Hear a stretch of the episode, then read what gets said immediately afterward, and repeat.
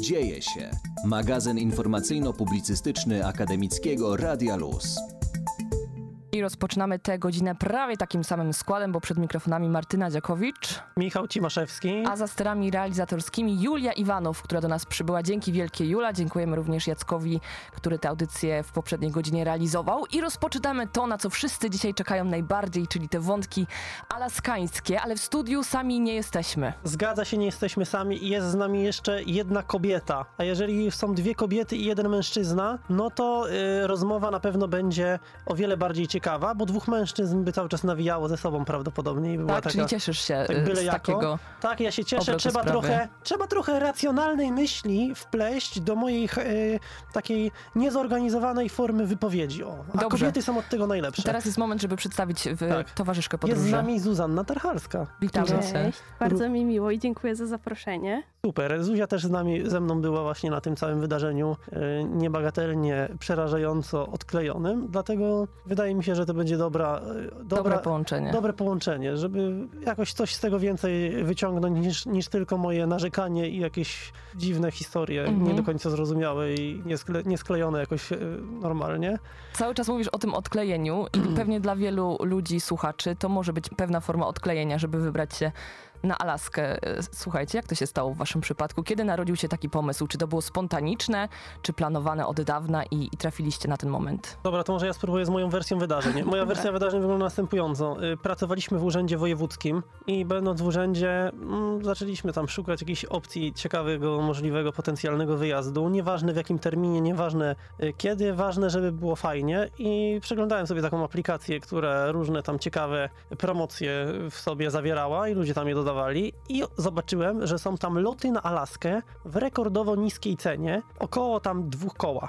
No a to jest irracjonalnie niska cena, gdzie w jedną stronę ten lot kosztuje po 2800, 2900, po ponad 3 koła w jedną stronę, a my mamy w dwie strony za dwa koła lekko, lekko powyżej. Więc zabukowałeś od razu dla całej paczki. No właśnie od, nie, Nie do końca. No właśnie nie do końca, bo jak sprawdzaliśmy te terminy, to na początek mieliśmy jakiś termin taki lutowy. Mhm. Już mieliśmy praktycznie jechać, tylko później jednak stwierdziliśmy, że jednak to może być trochę głupi pomysł, ponieważ luty na Alasce będzie strasznie zimno, będzie masa śniegu.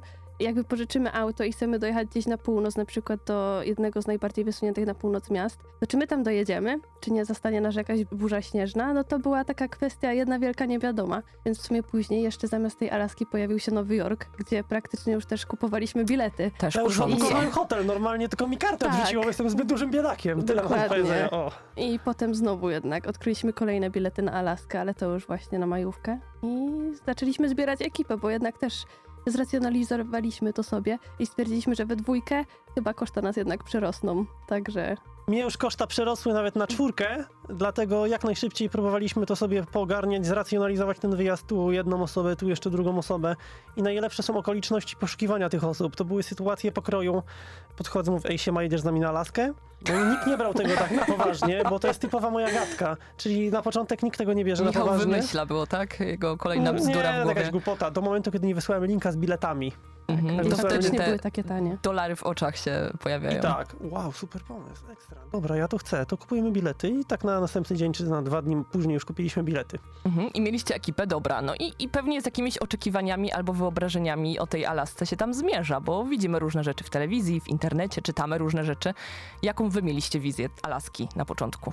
Wizja Alaski będzie super dziko. Na pewno miało być dziko, y, miały być dzikie zwierzęta i miało być też chyba dużo zimniej. Ja oczekiwałam dużo zimniejszych temperatur, chociaż i tak było zimno, ale i też myślałam, że będzie jeszcze mniej śniegu. Co prawda, że będzie zimno, ale będzie mniej śniegu, a jednak to nas trochę zaskoczyło i jeszcze też szczerze mówiąc, miał już ten sezon się zaczynać, a przyjechaliśmy tam i ten sezon jeszcze był taki bardzo, bardzo zimowy, o tak. No właśnie, to była taka, taki mocny feature, który mnie zmasakrował dosłownie, że w internecie cały czas się ogląda te zdjęcia, te filmy zielonej, pięknej Alaski, no i człowiek już tak sobie podświadomie ten obraz jakoś instaluje we własnej głowie i Mhm. wszędzie widzi, że będzie zielono, a tu się przyjeżdża, tu zaspy wyższe od człowieka.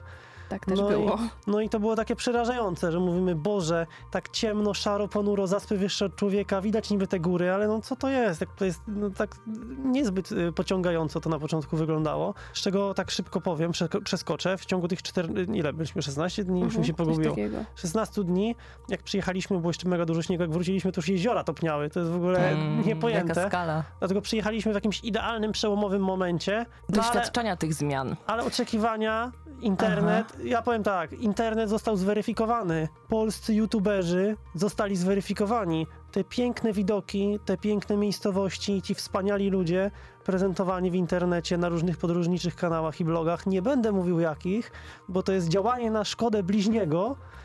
E, Czyli są podkupieni, tak? Mi się wydaje, że tam coś musi, musi być grane, bo nie jestem w stanie uwierzyć, że ta narracja jest powszechnie taka przedstawiana jako fajny, pozytywny, dziki kraj, a tu się okazuje, że są takie elementy tego stanu, gdzie no, wygląda to trochę nie najlepiej. Czy ja wiem, Michał, też były takie miejsca, które na przykład były bardzo urokliwe, więc to też nie można tak, wiesz, jednostronnie patrzeć. No tak, ale Zależy, bardziej- jakie oczy na to patrzą. Tak, Tak, no bardziej mi chodzi o to, że były mega urokliwe miejsca, mega niesamowite, tak y, skrajnie dzikie i naturalne, że to- to było niepojęte dla głowy jakiegoś europejskiego mieszczucha.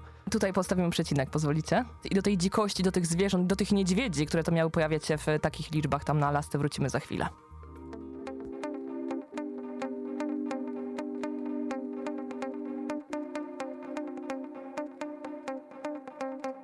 Wracamy do wątków e, Alaski w dzieje się i zrobiliśmy taki suspens z tymi niedźwiedziami, bo jak się na Alaskę jedzie, to wszyscy mówią, że muszą być te bear i to wszystko, bo będą atakować z każdej strony populacja olbrzymia, większa niż populacja ludzka pewnie w wielu miejscach. A jak to było w rzeczywistości, moi drodzy? W rzeczywistości bywało różnie. Tak naprawdę ja trochę szczerze mówiąc liczyłam na to, że spotkamy tego niedźwiedzia, ale nigdy nie wiedzieliśmy, kiedy to się może stać. Także jak tutaj w pierwszy, no w drugi dzień tak właściwie wypożyczyliśmy auto, pojechaliśmy pierwsze jeziorko, które było zamarznięte i ja tak mówię do Michała, ciekawe kiedy zobaczymy tego niedźwiedzia, co by było jakby tutaj teraz przyszedł. Oczywiście zawsze mieliśmy przy sobie te berspreje, ale później właśnie wyjechaliśmy z tego jeziorka, przejechaliśmy może nie wiem 30 minut i nagle nasz kolega jeszcze jeden prowadził samochód i wyskoczył nam czarny niedźwiedź przed samochód. To było totalnie abstrakcyjne, bo my sobie coś rozmawiamy z tyłu, tutaj śmieszkujemy, a nagle nam niedźwiedź wyskakuje przed Jaka jest samochód. reakcja w takiej sytuacji? No, gigantyczny szok, nie? My się cieszymy, mówimy, Tak. niedźwiedź, ale super, ale ekstra, pierwszy niedźwiedź już drugi dzień, ciekawe co będzie w trzeci dzień, czy będzie dziesiąty. Takie wiecie, no, bardzo entuzjastyczne podejście do tych niedźwiedzi, ale uwaga, ja kończę te miłe słówka na temat alaskańskich niedźwiedzi i dzikiej natury, bo tych niedźwiedzi prawie w ogóle nie widzieliśmy. Prawda. A łaziliśmy w takie miejsca, gdzie naprawdę o człowieka, takie o człowieka ukryte. było ciężko. Bardzo ciężko było o człowieka i no, tych niedźwiedzi i tak nie widzieliśmy. Nawet żeby jakieś ślady zobaczyć czy coś. Ślady były. No ale to Ale- takie sporadyczne. Tak, ale też jest taka kwestia, że my byliśmy jeszcze wcześniej, te na przykład niedźwiedzie gryzli, one się jeszcze nie zdążyły obudzić i na przykład była też taka sytuacja, że teraz jak po powrocie, ja jestem na różnych facebookowych grupkach, to dopiero ludzie teraz wstawiają, że tutaj na przykład, żeby nie wchodzić na jakieś różne szlaki, bo tutaj na przykład niedźwiedzie zabiły jakiegoś łosia, więc to Mhm. jest niebezpieczne. Jakieś ostrzeżenia, żeby nosić na przykład przy sobie bear spraya. Tutaj część ludzi w ogóle mówi, że najbezpieczniej to broń. I też w sumie właściwie mieliśmy taką jedną ciekawą historię, gdzie już jakby na powrocie jesteśmy na lotnisku, zostały nam te dwa bear spraye pełne i chcieliśmy to komuś po prostu sprzedać, żeby też za dużo na tym powiedzmy nie stracić. Pytaliśmy się różnych ludzi na lotnisku, albo właśnie co przylecieli, albo co tam też gdzieś przychodzili, czy nie mają, czy po prostu nie chcą od nas y, odkupić tych bear sprayów i niektórzy mówili, że na przykład, że nie, że oni to są w ogóle z Alaski, że oni to już mają, a niektórzy po prostu ludzie mówili, że nie, wiesz co, my już mamy broń, my tego bear sprayu nie potrzebujemy. Okej, czyli jednak broń, a, a Tak. nie bear spraye. No może być i taka opcja. Dzikość w każdym razie jest tak czy siak y, na tej Alasce. Jak bardzo dzika to jest dzikość? Wydaje mi się, że takim, taką kwintesencją dzikości będą dwa miejsca, czyli cały ten obszar powyżej miasta najwyżej poł- położonego na północ, takiego większego, czyli Fairbanks. Tam się rozpoczyna taka słynna autostrada w cudzysłowie, Dalton Highway, która ciągnie się aż pod Morze Beauforta. No i to jest taka szutrowa droga podziurawiona, którą jeżdżą tylko te gigantyczne traki i przewożą jakieś zaopatrzenie tam na koniec tej Alaski. I my. No i my. I Chcący zwiedzać. no i co, dojechaliśmy tam aż pod, pod Yukon, za Yukonem jeszcze przyjechaliśmy na koło podbiegunowe, No i tam się zaczyna definicja odklejenia, bo tam po prostu nie ma nic. Tam jest tajga hardkorowa, nie widać niczego dookoła, co, co najwyżej jakieś tam zwierzę. Raz nam zwierzę na przestrzeni 120 mil się jakieś pojawiło, jakiś wilk czy coś Tak. tam. Czyli naprawdę tylko wy. Tak. Naprawdę, Mhm, tam nie ma dokładnie. absolutnie niczego. Totalnie i jak jeszcze, tak jak zawsze opowiadałem o tej słynnej mojej Tuszetti, że w Tuszetti jest ładnie i nie ma nic, to tam po prostu nie ma nic i tylko tyle. Ale było ładnie. Akurat jak jechaliśmy w pierwszą stronę, to był zachód słońca. Także to było, myślę, że to było fajne wspomnienie teraz. No, no bo to jeszcze bardzo dużo nam ułatwiało to, że tam się robiło ciemno 24. Tak. Dlatego nasze plany się na bieżąco zmieniały i tak próbowaliśmy to wszystko ogrywać. Ale druga sprawa, Zuzia, to może ty o tym powiesz, bo to jest y, też mega dobry temat. Y, Park Narodowy Świętego Eliasza i w ogóle McCarthy, i te, tam to jest jeszcze dzicz niezła, nie? To była prawdziwa dzicz. Tak naprawdę po podróży na koło podbiegunowe ja już myślałam, że mieliśmy takiego, powiedzmy, że małego vana. Żeby dojechać do koła podbiegunowego też była taka szutrowa droga, tak jak Michał mówił wcześniej. I do, żeby dojechać właśnie do McCarthy, to była taka, powiedzmy, miejscowość, gdzie były trzy domy na krzyż i tam też była droga właśnie szutrowa, 60 mil po prostu wzdłuż gór, y, bardzo mało ludzi. I my jadąc tam, już nam coś niestety w aucie zaczęło stukać. Ja już byłam cała zestresowana, że nagle zatrzymamy się w dziczy. No na Alasce jest jeszcze taka y, specyfika, że zasięg y, jest raczej w głównych miastach. Tutaj gdzieś raczej, jak się jedzie na północ, to już nie ma zasięgu. Jak się jedzie gdzieś w stronę Kanady, to też jest ciężko. Także co, pojechaliśmy do McCarthy. Y, zajęła 60 mil, zajęło nam jakieś 3-3,5 godziny. E, Tam żywej duszy po drodze raczej też nie było. Nawet żadnych zwierząt w sumie nie widzieliśmy. Mhm. Y, Były wielkie dziury, masa jakichś na przykład. Jechaliśmy też taką, jakby przy tej samej drodze była taki, był taki moment, że były dwa jeziorka po dwóch stronach i jeszcze tam woda jakby przepływała przez tą drogę. No gdzie my tym naszym autem, no to nie był najrozsądniejszy pomysł, ale wszystko się udało. Wróciliśmy bezpiecznie. Polak potrafi. Także... To było mega nierozsądne, ale McCarthy bardzo dużo wynagrodziło, no bo pojawiliśmy Tak. się w Parku Narodowym, gdzie mamy obok lodowiec o nazwie Kennycoot, tak samo jak miejscowość, w której wybudowano tam taką gigantyczną kopalnię miedzi z drewna praktycznie w dużej mierze. Kopalnię miedzi, która tam działała od 1897 roku chyba dokładnie. I to jest najciekawsze w tym wszystkim, że ona jest dosłownie na zboczu lodowca. Tam ta miedź bezpośrednio jakoś wychodziła powyżej tego, Mhm. tego, tej, tego pagóra. I ta kopalnia jest ułożona dosłownie wzdłuż lodowca, tak bezpośrednio na lodowiec. Ale lodowiec to już w ogóle masakruje całkowicie naszą głowę. prawda. No bo kto sobie wyobraża lodowiec, co ma 43 km? No takie rzeczy tam się dzieją. Autentycznie 43-kilometrowy lodowiec Kennycoot, który się jeszcze łączy z jednym lodowcem z prawej strony. Jakby to wszystko łącznie do siebie dodać, to to są irracjonalne właśnie takie długości i te objętości tego terenu. No to jest dla Europejczyka kompletnie niemożliwe i niezrozumiałe. Tak samo Park Narodowy Denali. To Gdzie było- mamy taki park narodowy, gdzieś w Europie, gdzie jest droga, gdzie, którą można sobie wjechać 100 mil w głąb. 100 mil w głąb Parku Narodowego. Czy to są takie ilości? To jest jeszcze dobry Mm. taki żart obrazujący te gigantyczne powierzchnie, które dookoła nas otaczają, bez żywego ducha. Jak nam się zepsuł samochód, no to podjechaliśmy do takiego gościa, który miał tam gdzieś tam taki znak, że to jest, że on jest jakimś mechanikiem. Okazało się, że on jest jakimś mechanikiem klimatyzacji czy czegoś tam innego. No ale mówi nam tak, że on ma tutaj fajnego mechanika, 120 mil tutaj yy, obok. No ja mówię, że wiecie, 120 mil to jest around the corner, nie? Na Alasce. No. To jest ta perspektywa. U nas 120 mil to jest jedna trzecia Polski. Przejechana dla nich to jest śmiech na sali. To jest taka wycieczka jak, do, jak z Wałbrzycha do Świebodzic. O tak bym powiedział. Tak ta perspektywa się zmienia i tak ta dzikość wygląda. Aż trudno ją opisać, ale to jednak jest możliwe, tym bardziej, kiedy jesteśmy w radiu. A zaraz sprawdzimy, jak się ma ta dzikość, jeśli chodzi o mieszkanie na Alasce i kontekst ludzki, który nie jest tak oczywisty, jak wspomnieliśmy przed chwilą, ale jednak występuje. Włącz się na 91 i 6 FM. I znowu mamy przed oczami te piękne filmy, które powstają, te produkcje, te domy na bogato stawiane gdzieś, ludzi, którzy mają wspaniałe samochody i tak się po tej Alasce przemieszczają. A jak wygląda rzeczywistość w takim razie? Szczerze, Szczerze? mm, bardzo mocno zaskoczyło mnie kilka elementów. Dzięki temu, że w pierwszy dzień wyjazdu od razu trafiliśmy do największego miasta, czyli do Anchorage, około tam 280-300 koła ludzi tam mieszka. No i pojechaliśmy sobie, znaczy doszliśmy z buta, bo taki mieliśmy zamysł, żeby się przejść i zobaczyć tam to wszystko dookoła. Poszliśmy na główne downtown i trafiliśmy tam na, na takie główne ulice, jakieś wysokie budynki. No i pierwsza rzecz, która mnie mega zaskoczyła. Nie ma ludzi. Puste chodniki. W największym mieście Alaski. nie ma Puste ludzi. chodniki, puste chodniki, jeżdżą tylko te gigantyczne pick-upy.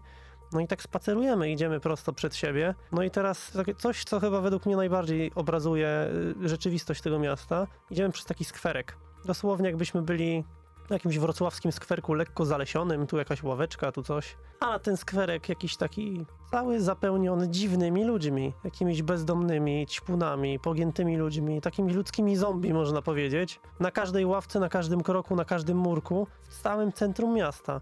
Dookoła nie ma ludzi, nie ma ludzi na chodnikach, prawie nikt tam nie chodzi. I w środku w skwerku taki skłot. Mhm. No i to już nas mocno przeraziło, bo kto by się tego spodziewał, że to będzie tak wyglądać jeszcze w samym ścisłym centrum. Rozumiem, gdzieś na obrzeżach się tam uciekają i próbują się kitrać, ale I taka sytuacja się powtarzała potem gdzieś w innych miejscach Mhm. też? Później w tym drugim największym mieście Alaski, też w Fairbanks, na, już bardziej na północ, to też było to samo. Ale co ciekawe, właśnie ci, jakby właśnie wszyscy ludzie, o których Miał teraz powiedział, to byli w większości mieszkańcy tacy rdzenni. Że było widać, że oni po prostu minimalnie inaczej wyglądali. Że też na przykład, co ciekawe, oni na przykład, w sensie dużo takich ludzi stało na przykład gdzieś na skrzyżowaniach z jakimiś kartonami wypisanymi, że oni na przykład proszą o jakąś pomoc. Też akurat w sensie nie dopatrzyłam, co tam na tych kartonach było, bo to było przeważnie, gdzieś jechaliśmy szybko samochodem. Ale no, czy przy jakiejś na przykład, nie wiem, przy Walmartie, przy największym też supermarkecie, na przykład w tym Anchorage, to też była masa na przykład jakieś rozłożone namioty, nie namioty. Także oni po prostu prowadzili tam taki koczowniczy tryb życia. No Mhm. właśnie, jeszcze kwestia Walmartu jest dosyć ciekawa, bo mamy taką historię, gdzie przyszliśmy pierwszy raz do Walmartu, no i nas zaskoczył alarm. Alarm, no i, czyli? No to zaczynają syreny czaskać i nam ludzie każą wychodzić ze sklepu, zostawić wózki i wychodzić. No i my wychodzimy, ja oczywiście gigantycznie przestraszony. Matko święta, Oczy, strze- oczy na wierzchu. Strzelanina w Stanach, co ja ojcu powiem, matko święta. Sytuacja wyglądała tak, że ci wszyscy ludzie, Jak zero problemu, nic. jak gdyby nigdy nic. No po prostu zero reakcji. Może Idą sobie- przyzwyczaili się do, wiecie, takich oto sygnałów Może się, reagują. przyzwy- może się przyzwyczaili, ale zawsze się w jakimś stopniu dmucha chyba na zimne, tak? Jeżeli każą ci wyjść ze sklepu, jest syrena, masz wszystkie rzeczy ze sobą zostawić, no to nie stoisz jak dziad pod tym sklepem i czekasz na to, aż ci z powrotem dadzą wejść, tylko nie wiem, gdzieś odchodzisz kawałek dalej, bo może jest tam jakieś niebezpieczeństwo. Zero takiego myślenia bardziej europejskiego, takiego dmuchania na zimne, tak Mhm. bym to ujął. Po prostu bezmyślne wyjście ze sklepu i czekanie, aż ktoś powie, że można znowu wejść do sklepu. No to niecodzienna sytuacja rzeczywiście, ale mm, w takich kontaktach bezpośrednich z wami, jak już dochodziło do jakichkolwiek interakcji z tymi rdzennymi ludźmi, to, to był łatwy kontakt, czy nie?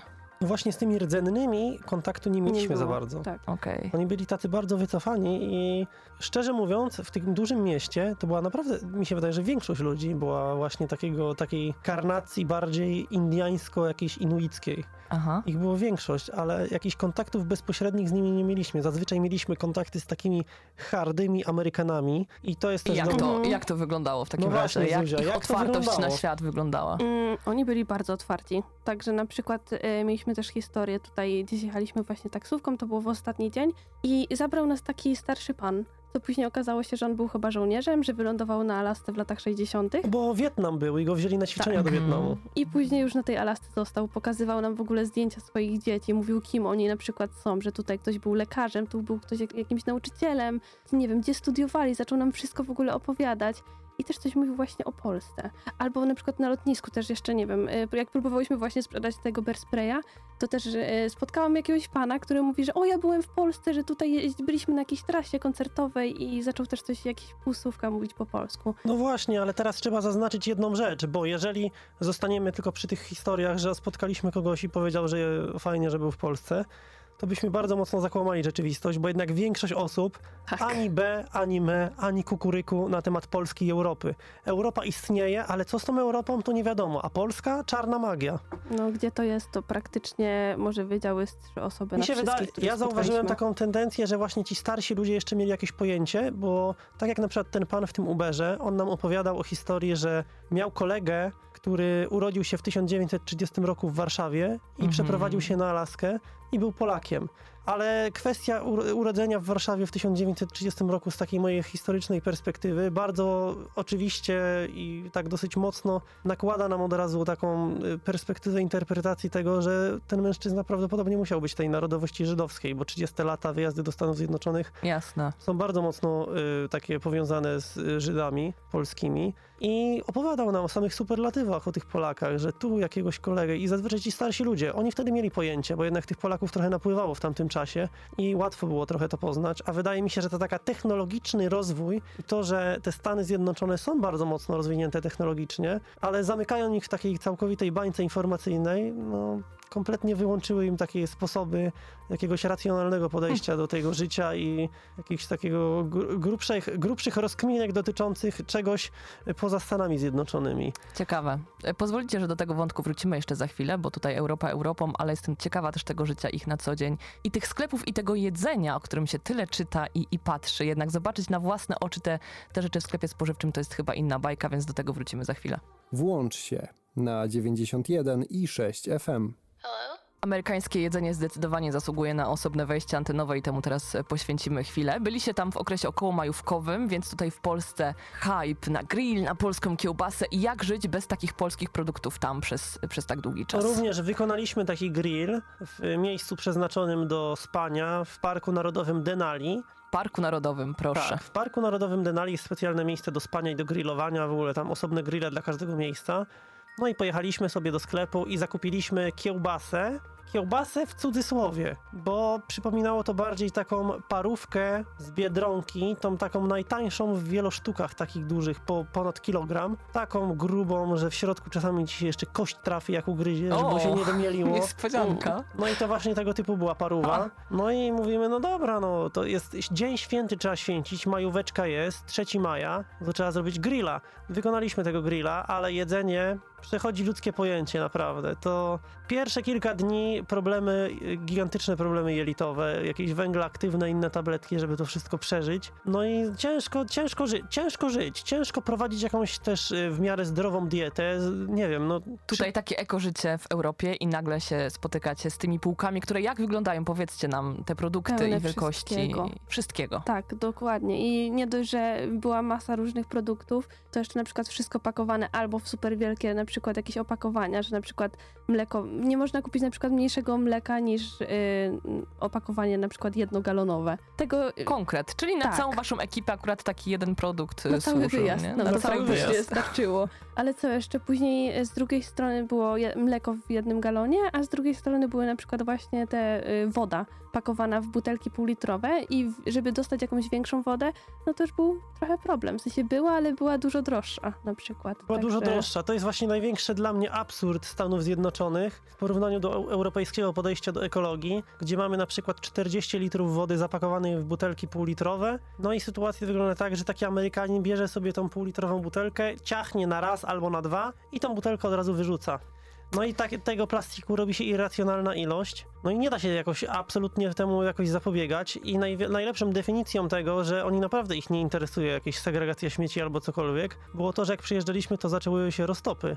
No i z tych wszystkich zasp w miastach, które tam się Ujawniły się porobiły, tony plastiku. ujawniły się gigantyczne ilości śmieci i takiego syfu, że już się śmiałem niejednokrotnie. Mówię, kurka, normalnie jak, jak w Indiach się zaczynam czuć. No, Czyli nie- tam to bycie eko zupełnie nie istnieje No to samo w samochody. wymiarze? Tak. Samochody to samo. W Polsce, w Europie jeździmy silnikami 1.4 hybrydowymi z milionami filtrów DPF, innymi tam dodatkami, katalizatorami trzema, a tam mamy statystycznego Amerykanina w 6-litrowym jakimś takim wielkim samochodzie, który jak się naciśnie mocniej na na pedał gazu, no to zostawia za sobą taką czarną chmurę dymu, że się zamienia człowiek w, w górnika z kopalni wujek. No. Auta im większe, tym lepsze. Tak naprawdę rozstrzał był, był po prostu taki aut, że co mieliśmy też taką w sumie, powiedzmy, że zabawę, że oglądaliśmy auta i które będzie ciekawsze. Także na przykład, nie wiem, chociażby jakiś, nie wiem, w pierwszy dzień spacer, jak zrobiliśmy sobie spacer, to to już był po prostu aż taki, nie wiem, szok kulturowy, ile tam jest po prostu wielkich aut, albo ciężarówki,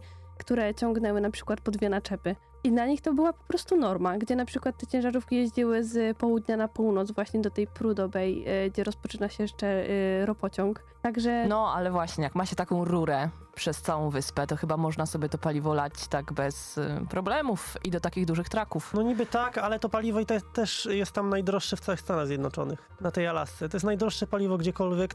Paliwo, które laliśmy zazwyczaj kosztowało za galon około 3,80-3,90 dolara, a były takie miejsca, że nawet 7,50 dolara nad A Yukonem wy jak dużo, dużo jeździliście y, no autem. mega dużo Dużo. jeździliśmy, a w takiej, nie wiem, Teksasie kosztuje dolara 20. dlatego różnica jest gigantyczna, ale oni dalej jeżdżą tymi trakami. Tam jest taki jednak chyba syndrom y, trumpowskich Stanów Zjednoczonych i to bardzo dobrze można było zobaczyć na tej prowincji alaskańskiej, gdzie jedziemy i widzimy zmasakrowaną, rozwaloną przyczepę z flagą Vote Trump, z jakimiś porożami na dachu, Mhm. A dookoła 20 rozwalonych wraków samochodów, z czego z 4 są sprawne. No i tak się egzystuje tam. No. Taka ich, ich rzeczywistość. I te nastroje polityczne raczej w tę stronę skręcające Tam chyba. jest bardzo mocno trumpowsko. Aha. Tam tych flag z Trumpem było mega dużo. Nawet takie banery w mieście. Mieliśmy taką sytuację, jak odjechaliśmy sobie kawałek z głównej autostrady, żeby zobaczyć tam jakiś podjazd. Taka była firma, która robiła loty helikopterem pod lodowiec. No i po drodze mieliśmy taką miejscowość, gdzie było normalnie taka cała ściana z takim banerem wielkim, z wielkim Donaldem Trumpem. No rzeczywistość... Można sobie zrobić selfie z takim banerem. Tak, niebezpiecznie aż, bo nie wiadomo, kto tam ma broń, także to jest druga a, sprawa. Druga sprawa. Właśnie, tam wszyscy mają broń. To jest też taka perspektywa y, dosyć przejmująca. Przestrzelone znaki mi tutaj przyszły na myśl, Tak o jest. których wspominaliście. Powiedzcie jeszcze, Też co to za zjawisko. Pierwszy raz chyba się z tym spotkaliśmy właśnie jak jechaliśmy na to koło podbiegunowe. Także już jechaliśmy też tam, nawet nie wjechaliśmy jeszcze na tą drogę szutrową, a też już tam się zaczynało robić dziko, żadnego auta nie ma i patrzymy, a tam przestrzelone znaki. To to już też Robi zaczęło oddziaływać na głowę, że gdzie my jesteśmy Mhm. i co będzie dalej, tego też nie wiemy. I co to spowodowało? Czy, czy widok zwierzęcia, czy po prostu ktoś się zdenerwował i postanowił strzelić? Mi się Nie? wydaje, że to jest taka znak. po prostu y, odklejka alaskańska. No co, no, jest postrzelali do znaków i nie ma problemu. Ja właśnie z czymś takim y, początkowo wydawało mi się, że właśnie będę kojarzył ten, y, te, ten stan. I to jest jedna rzecz, która mnie na przykład nie zawiodła, czyli ta rzeczywistość takiej trumpowskiej, y, hardkorowej Ameryki, gdzie jest się takim amerykańskim redneckiem, który mieszka w tej przyczepie, głosuje na Donalda Trumpa, żyje w warunkach jak na Europę irracjonalnie cienkich, ale dla niego jest super. Ale żyje i jest w tym szczęśliwy chyba w większości przypadków. Czy jest Poza szczęśliwy? tymi skrajnościami. No trudno to wydaje, oceniać tak. też Ale... z tej perspektywy, nie? Ale Dużo właśnie takich ludzi, którzy mieszkało na przykład gdzieś w jakichś przyczepach, po prostu wyglądali jak, nie wiem, jak Radagast z Władcy Pierścieni chyba? Albo z Hobbita w każdym razie. Właśnie taki człowiek lasu, który po prostu ma jakąś wielką brodę i długie, siwe włosy. Zostawiamy was z takimi obrazkami na teraz, a za chwilę jeszcze podpytamy, żeby zamknąć to w takich obrazkach, z którymi nasi bohaterowie goście zostali po tym wyjeździe. To sprawdzimy za chwilę.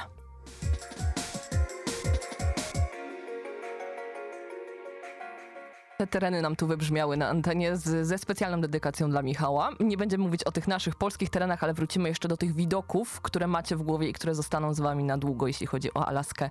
Jakieś takie klatki macie? Zuza? Widoki.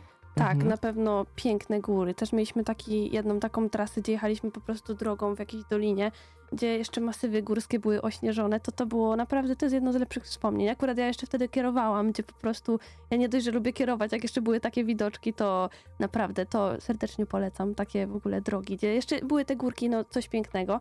I wtedy akurat też dojechaliśmy jednego chyba z ładniejszych miast, które widziałam właśnie tam na Alasce. To było Valdes, gdzie był też taki mały porcik, były jakieś mewy. Akurat tam pogoda nam się trochę zepsuła, bo było trochę pochmurnie, ale mi to też, nie wiem, nie przeszkadzało mi to, Mhm. więc to na pewno... Żeby podziwiać i kontemplować te, tak, te widoki, dokładnie. A właśnie to jest jeszcze miasto, co ciekawe. Ja też byłam taka, y, szczerze mówiąc, jakby nastawiona na to, że będziemy widzieć dużo dzikiej natury. Także to było też jakby taki mój, to jest mój konik. E, także jeszcze w tym mieście były znaki, na przykład Beware of Bears, gdzie ludzie nas ostrzegali, żeby nie chodzić za, jakby za daleko po ciemku, bo są niedźwiedzie czarne, także one są niebezpieczne. Na to mieliśmy uważać, także na pewno te dwa miejsca i jeszcze parki narodowe, które też były po prostu przepiękne. Chyba jednego, najlepszego bym nie wybrała, który mi się bardziej podobał. Mhm. Ale jeszcze to, o czym wcześniej mówiliśmy, że na przykład e, te dwa lodowce właśnie w McCarthy i ta kopalnia miedzi. Także to też, no to też było naprawdę piękne. Powiem tak, kombinat górniczo-hutniczy miedzi KGHM Polski powinien się zainteresować kopalnią Kennycoot w stanie Alaska. Pan Michał by się zainteresował. Ja Co ty masz w swojej głowie po tym wyjeździe? Ja szczerze, mm, przede wszystkim, mnie, ja się nastawiłem na ultra dzicz i nie zaznałem tej ultra dziczy. Szczerze Czyli za mówiąc. mało dziko Dla było. mnie było za mało dziko, to jest pierwsza rzecz. Ale jeszcze taka kwestia, że nawet jak pojechaliśmy na to koło podbiegunowe, to tam normalnie były toalety. To Mhm. wszystko jest tak przygotowane pod Czyli nie turystów. taki całkiem Całe Dalton Highway ma infrastrukturę. Mhm, Pod, Dobra. sa- pod samą północ praktycznie. I non-stop jeżdżą te tiry, te gigantyczne traki po te dwie naczepy i przewożą te rzeczy tam na Dead Horse się nazywa ta miejscowość na końcu świata alaskańskiego przy Morzu Beauforta, tam gdzie ten pipeline cały wy, wylatuje znikąd. No i przede wszystkim wydaje mi się, że... Jajka w proszku. Jajka w proszku, no. Rzeczywist- rzeczywistość egzystencji alaskańskiego człowieka jest dla mnie kompletnie niezrozumiała. Ja jeszcze przed wyjazdem mówię tak, Boże, jak ja lubię takie odklejone miejsca, takie dzikie. Może ja tam pojadę, mi się spodoba i tam zostanę. Teraz to bym wolał na Wałbrzyskim Sobięcinie zamieszkać albo na Nadodrzu U, resztę to życia. deklaracja jest poważna, Na grubym ci. Nadodrzu, gdzieś przy Kleczkowie, przy, arysz- przy więzieniu bym wolał mieszkać niż... e, Czyli wolałbyś totalnie dzicz niż Alaskę. Naprawdę, e, Tuszetię. Ja wolę Tuszetię. Dla mnie Tuszetia to jest inny poziom. Tuszetia. Tuszetia była piękna, Tuszetia była dzika, Tuszetia była pełna życzliwych ludzi, takich naprawdę naturalnych ludzi, a tam to wszystko było takie trochę zniszczone tą dziwną cywilizacją, tym takim skrajnym, dziwnym podejściem liberalnym. Ja też nie, nie za bardzo rozumiem takiego dzikiego liberalizmu, jaki tam jest. Tak samo ta, ta sfera taka materialna, no tam jest materializm do potęgi dziesiątej, tam ludzie mają po 10 samochodów na podjeździe i nie wiadomo po co im te samochody są. No, to, było dla mnie, to był dla mnie największy szok. A tutaj taki historyk z Europy, po prostu z Polski. To- to Serca Europy. Ja właśnie to, to, i to się dziwi. zapamiętam, to zapamiętam, że wydawało mi się, że tam będzie taki, tak dziwnie amerykańsko, ale było jeszcze bardziej amerykańsko niż mi się zdawało. Okej, dobra, to jeszcze krótko. Wrócilibyście w takim razie i mając y, ten bagaż doświadczenia ze sobą? Tak, ja y, jest stwierdzam, że optymistycznie tak, nastawiona. Tak, ale na pewno inną porą roku, y, na przykład taką wczesną jesienią, taką bardzo wczesną jesienią, albo jeszcze późnym latem, coś takiego, gdzie jest na pewno większa szansa na jakieś spotkanie niedźwiedzi, albo na przykład właśnie A, bo są... tego wam brakowało, no tak. Właśnie, jakby mi Tak. było stać, to bym na pewno pojechał w ten taki okres letni, tam gdzie jest pełny sezon i zobaczył, jak wygląda ta rzeczywistość przygotowana pod turystę. Czy to Tak, wszystko jest dokładnie. takie dalej hardkorowe, jak my byliśmy, czy rzeczywiście oni się przygotowują na tych turystów, na tych bogatych ludzi, na te ceny podwójnie Zombie, przebite. zombie się przebudzają i No. jest jakieś pobudzenie letnie. Może, może tak być, słuchajcie. Ale te jajka w proszku? Jajka w proszku? Okropieństwo. Jajecznica z jajek w proszku, gotowe jajka ugotowane w sklepie. To jest rzeczywistość alaskańska. Tak, Tak. zwaną, te, również był tam tak zwany dżem ze świni. Tak, albo parówki No. na przykład zapuszkowane. Parówki puszce. Jedliśmy smacznego wszystkim słuchaczom, którzy w tym Smacznego. momencie spożywają obiad. Pora obiadu nastała, więc y, z takimi obrazkami obiadowymi wprost z Alaski was zostawiamy. Bardzo wam dziękuję za tę godzinę. Michał Cimaszewski, Zuza Tarchalska, którzy odbyli taką podróż na Alaskę i chcą i mają apetyt na więcej, więc życzymy wam takich dalekich podróży jeszcze. Dzięki. Julia Iwanów tę audycję realizowała. Dzięki ci wielkie Jula za powrót w tej drugiej godzinie. No i polecamy, żeby zostać z Akademickim Radiem Luz na dłużej, a my w składzie czwartkowym wracamy w przyszłym tygodniu.